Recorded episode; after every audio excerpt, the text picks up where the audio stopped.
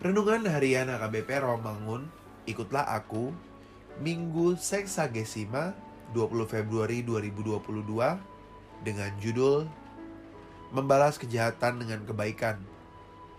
Kebenaran firman Tuhan yang menjadi ayat renungan kita hari ini tertulis dalam Injil Lukas 6 ayat 27 sampai 37 yang berbunyi Tetapi kepada kamu yang mendengarkan aku aku berkata Kasihilah musuhmu, berbuatlah baik kepada orang yang membenci kamu. Mintalah berkat bagi orang yang mengutuk kamu, berdoalah bagi orang yang mencaci kamu. Barang siapa menampar pipimu yang satu, berikanlah juga kepadanya pipimu yang lain. Dan barang siapa yang mengambil jubahmu, biarkan juga mereka mengambil bajumu. Berilah kepada setiap orang yang meminta kepadamu, dan janganlah meminta kembali kepada orang yang mengambil kepunyaanmu dan sebagaimana kamu kehendaki supaya orang berbuat kepadamu, perbuatlah juga demikian kepada mereka. Dan jikalau kamu mengasihi orang yang mengasihi kamu, apakah jasamu? Karena orang-orang berdosa pun mengasihi juga orang-orang yang mengasihi mereka. Sebab jikalau kamu berbuat baik kepada orang yang berbuat baik kepada kamu, apakah jasamu?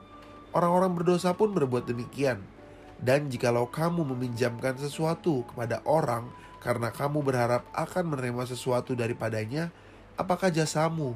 Orang-orang berdosa pun meminjamkan kepada orang-orang berdosa supaya mereka menerima kembali sama banyak. Tetapi kamu, kasihilah musuhmu dan berbuatlah baik kepada mereka dan pinjamkan dengan tidak mengharapkan balasan.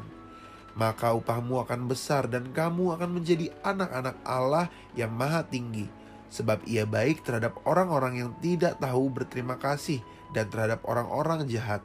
Hendaklah kamu murah hati sama seperti Bapamu adalah murah hati. Janganlah kamu menghakimi, maka kamu pun tidak akan dihakimi. Dan janganlah kamu menghukum, maka kamu pun tidak akan dihukum. Ampunilah dan kamu akan diampuni. Demikian firman Tuhan. Dalam berinteraksi dengan sesama manusia, kita pasti pernah mengalami konflik saat itu terjadi, biasanya kita akan berusaha untuk memenangkannya. Kita tidak mau kalah, apalagi jika merasa berada pada posisi yang benar. Konflik ini biasanya berujung pada tindakan yang saling memusuhi, menyakiti, dan melukai. Bahkan tindakan yang paling ekstrim bisa terjadi jika sudah terjadi konflik. Hal ini bisa kita katakan sebagai manusiawi.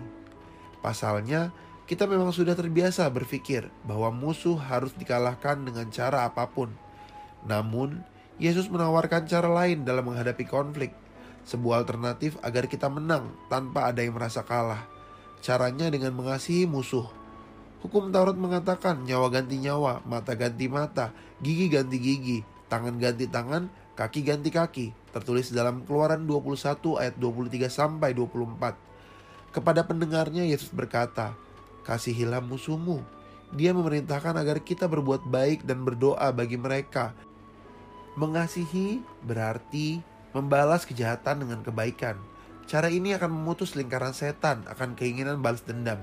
Yesus juga menegaskan bahwa berbuat baik tidak boleh hanya dilakukan kepada orang baik, akan tetapi kita juga harus melakukannya kepada orang yang berbuat jahat kepada kita. Jika telah melakukannya, Allah akan membalasnya dengan kebaikan kepada kita. Dengan begitu, orang-orang akan melihat bahwa kita adalah anak-anak Allah. Dengan kata lain, Yesus mengatakan kita harus melakukannya karena Allah sebagai Bapa kita juga melakukannya. Marilah kita berdoa. Ajarilah kami memaafkan sesama manusia sebagaimana Yesus Kristus telah mengampuni kesalahan-kesalahan kami. Amin.